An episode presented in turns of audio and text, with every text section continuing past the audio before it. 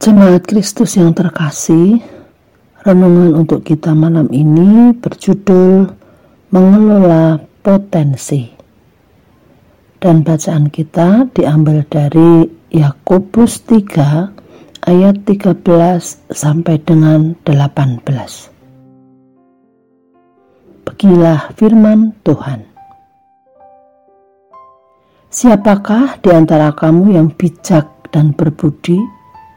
Baiklah ia dengan cara hidup yang baik menyatakan perbuatannya oleh hikmat yang lahir dari kelemah lembutan. Jika kamu menaruh perasaan iri hati dan kamu mementingkan diri sendiri, janganlah kamu memegahkan diri dan janganlah berdusta melawan kebenaran.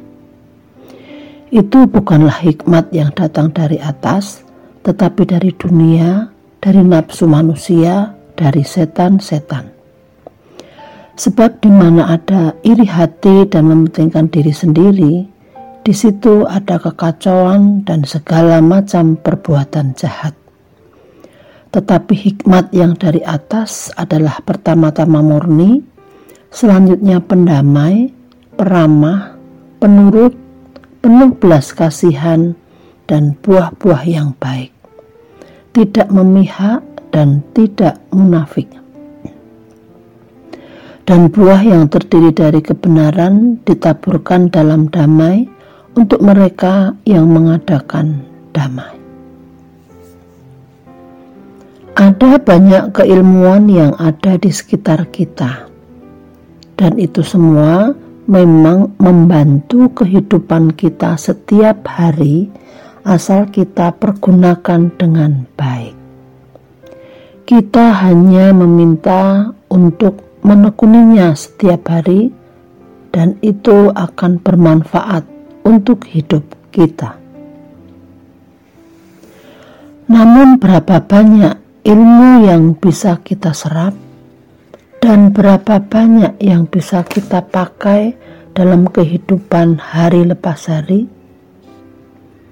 Banyak orang sudah menyatakan bahwa ilmu yang kita miliki selalu tidak cukup untuk kehidupan kita.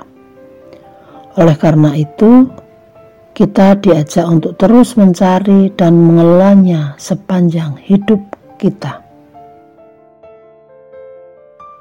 Hanya saja yang sering kali terlupakan adalah kita mencari ilmu tanpa hikmat dari Tuhan sehingga ilmu yang kita miliki dan pakai tidak menuntun kita ke dalam kebenaran Allah. Hanya menuntun kita mendapatkan keuntungan, tak peduli apakah itu jalan yang benar atau tidak. Hikmat Tuhan tetap diperlukan agar apa yang kita lakukan memiliki akar yang kuat dan benar sehingga setiap ilmu yang kita miliki tidak hanya bermanfaat untuk diri kita sendiri, tetapi dapat menjadi berkat bagi sesama dan dapat memuliakan Tuhan. Dan hal penting yang selanjutnya adalah bahwa hikmat dari Tuhan akan berisi damai sejahtera. Siapa yang memilikinya maka kita akan dapat menyebarkan damai sejahtera juga dari Tuhan. Mari kelola segala hal yang kita miliki agar menjadi jalan untuk memuliakan Tuhan.